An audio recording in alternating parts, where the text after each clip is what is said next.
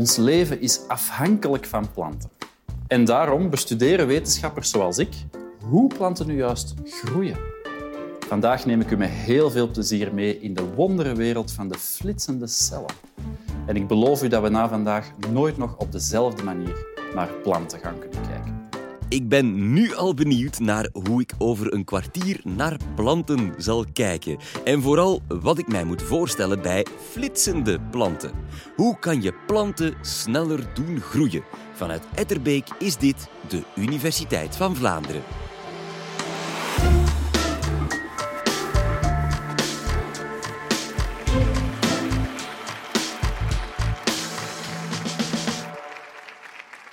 Wisten jullie dat jullie hier eigenlijk zijn dankzij planten?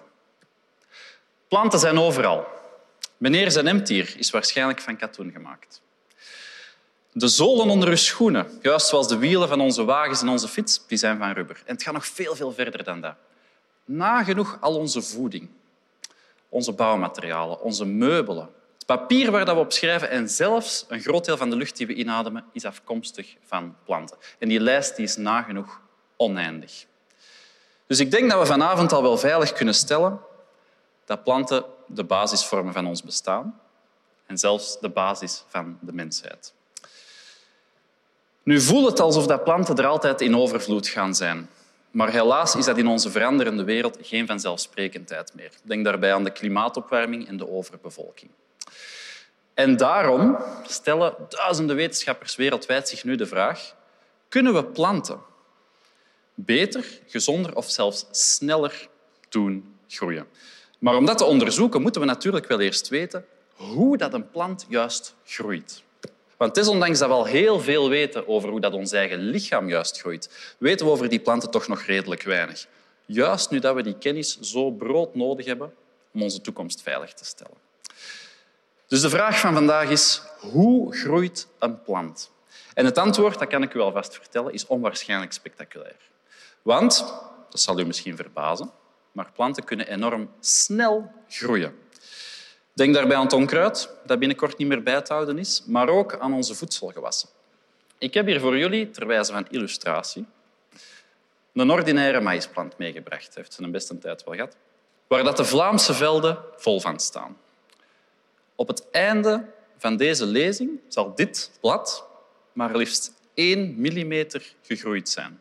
Nu, 1 millimeter, dat klinkt misschien als niet zoveel. Ik ga dat voor u even in perspectief zetten. Als uw teennagels zo snel zouden groeien, dan zouden na één nachtje slapen opstaan met nagels van maar liefst drie centimeter lang. Dat is vies om u voor te stellen, maar vanuit een wetenschappelijk oogpunt is dat ongelooflijk boeiend. Want de vraag is natuurlijk, hoe doen een plant dat nu juist? En ik stel voor dat we eens eerst gaan kijken naar hoe dat ons eigen lichaam dat juist doet. Daar weten we al veel meer over. En die kennis die helpt ons ook om te begrijpen hoe dat planten nu juist groeien.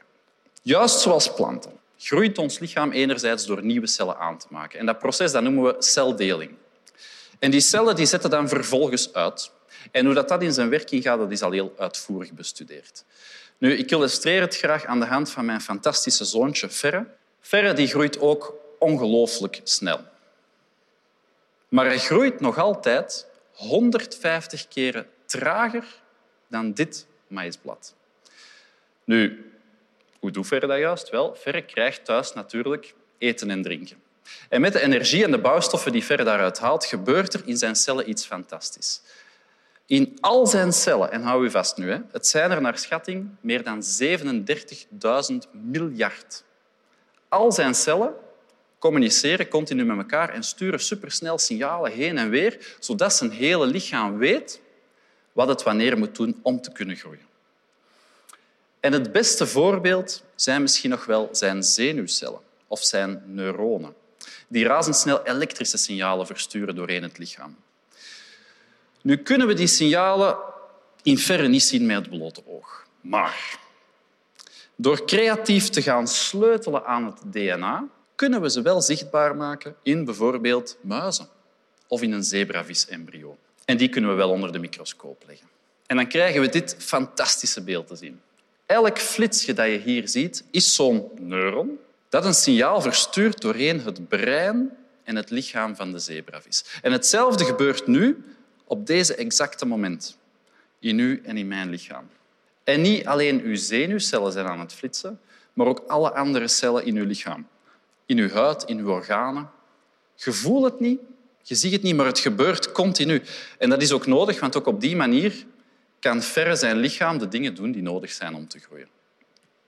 Dus je ziet onmiddellijk dat het, het zijn de snelle flitsen en signalen in en tussen onze cellen die dat ervoor zorgen dat ons lichaam leeft en groeit. En het gaat eigenlijk nog verder dan dat. Hè? Want de dag dat uw cellen stoppen met te flitsen en stoppen met elkaar te communiceren, dan zijn u overleden. Juist omdat het zo enorm belangrijk is, zijn wetenschappers die flitsen verder gaan bestuderen. En zo hebben ze onderweg heel veel geleerd over bijvoorbeeld neurologische aandoeningen. Over hoe dat onze wonden terug dichtgroeien. Of over hoe dat we vanuit een minuscuul klein hoopje cellen in de baarmoeder uitgroeien tot volwassen mensen. En die kennis die ziet er letterlijk zo uit. Nu, probeer dat hier alsjeblieft niet te begrijpen. Dat is echt niet nodig. Want wat we hier zien, ja, dat is duidelijk heel complex. En tegelijk is het toch een minuscuul onderdeeltje van het mechanisme waarmee dat op deze moment de cellen in uw lichaam aan het groeien zijn. Wetenschappers hebben hier decennia aan gewerkt. Maar daardoor hebben ze wel ontelbare levens kunnen redden. Het is dankzij deze kennis dat we naar de dokter of een specialist kunnen gaan en dat de dokter weet hoe dat hij of zij ons kan helpen. Deze kennis vormt de absolute basis van de moderne geneeskunde. Oké, we weten dus nu al iets meer over hoe dat bij mensen juist in elkaar zit. Maar de vraag is natuurlijk, hoe zit het dan bij planten? Juist zoals verre krijgen ook planten eten en drinken. Fotosynthese. Dat zal misschien nog wel bekend in de oren klinken van in het middelbaar. Dat is het proces waarbij dat planten in hun bladeren door middel van zonlicht CO2 en water omzetten in zuurstof die wij dan inademen en in suikers die de planten dan gebruiken als energie en bouwstof.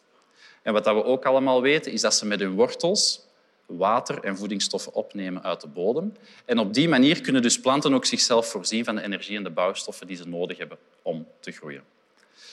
Maar ook daar worden natuurlijk die energie en die bouwstoffen wel ergens voor gebruikt.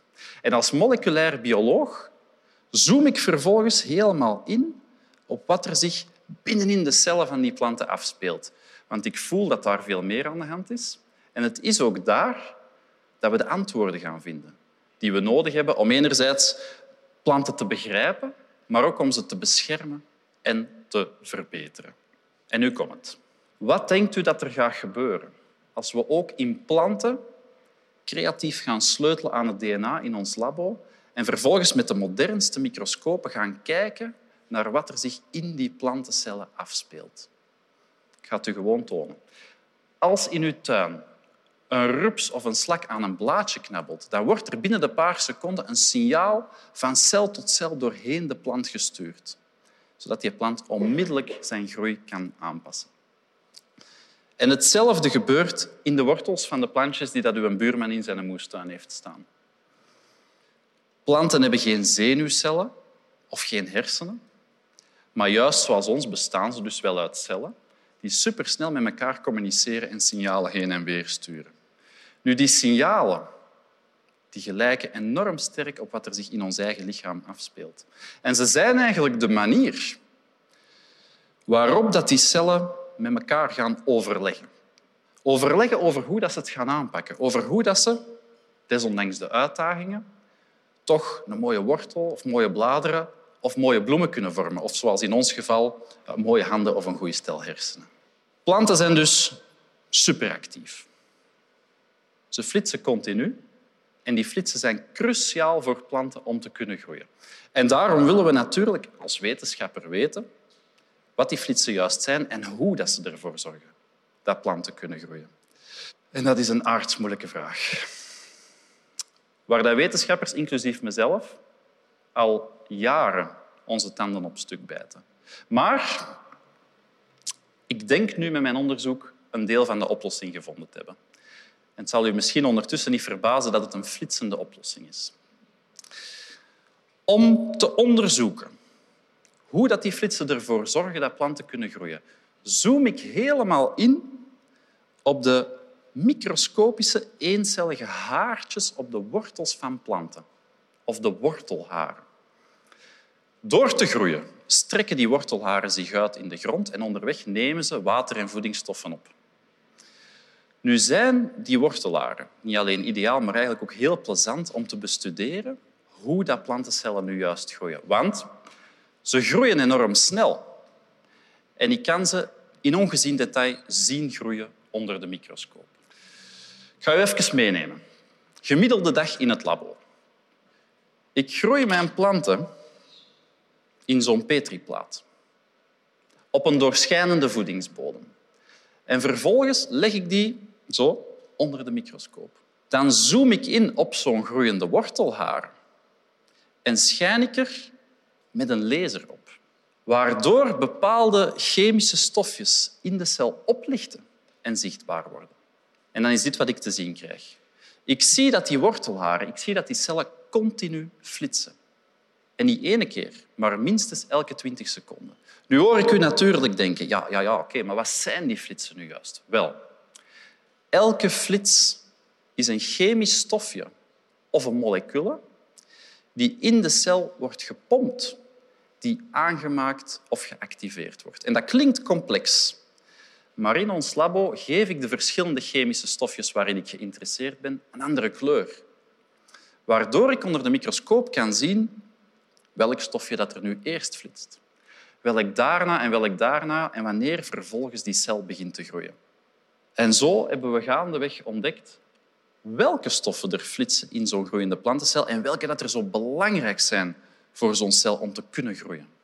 En ze hebben bekende namen, zoals calcium bijvoorbeeld, waarvan we weten dat die ook flitst in jullie cellen, in onze cellen. Maar ze hebben ook ronkende namen, zoals de ROP-GTPases, de RALFs, Erulus en Feronia. Het zijn er geen tien, hè? maar honderd en misschien zelfs duizenden moleculen die op de een of de andere moment, terwijl dat zo'n cel aan het groeien is, aan het flitsen zijn.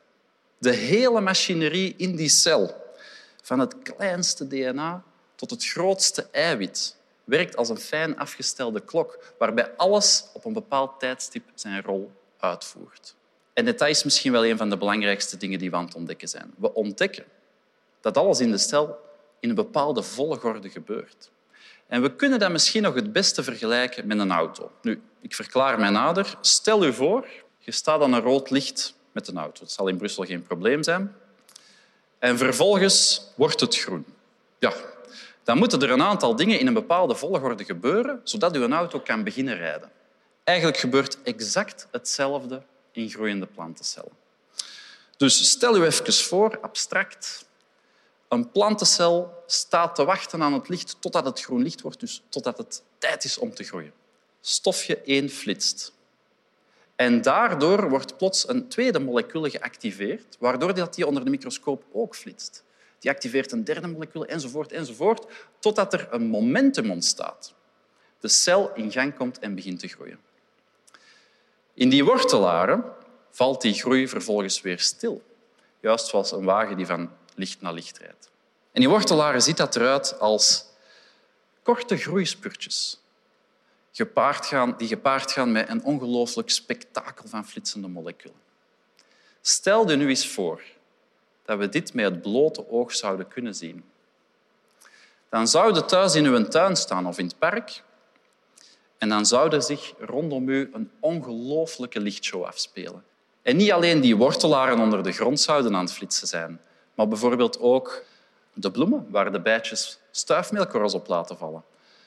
De blaadjes van de bomen in het park, zeker uw gazon die dat je juist hebt afgereden en zelfs de snijbloemen die thuis bij u op tafel staan.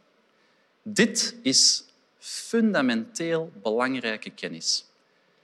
Niet alleen omdat die flitsen mooi en spectaculair zijn, maar omdat ze ons ongelooflijk veel leren over hoe dat planten nu juist groeien. Als je mij nu vraagt, gaan we hiermee planten beter, gezonder of sneller kunnen doen groeien? Dan is mijn antwoord ja. Als wetenschapper geloof ik oprecht dat we dat gaan kunnen. En ik zal u nog meer zeggen zelfs. Vandaag zijn we onze gewassen met deze kennis al slimmer aan het telen en we kunnen ze binnenkort ook genetisch aanpassen. En zo geloof ik oprecht dat we ons veel minder zorgen gaan hoeven maken over meneer zijn katoenen hemd of de rubber onder onze schoenen. Maar nog veel belangrijker natuurlijk over onze voedselproductie. Want het is echt dankzij de wetenschap dat de landbouwer zal kunnen blijven oogsten en dat we iedereen gaan kunnen blijven voeden.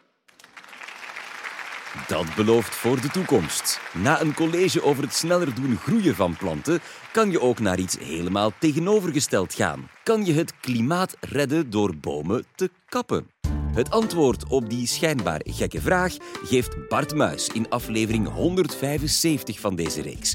Groeien of kappen, zeg het maar. Heel graag tot daar of tot een volgende keer.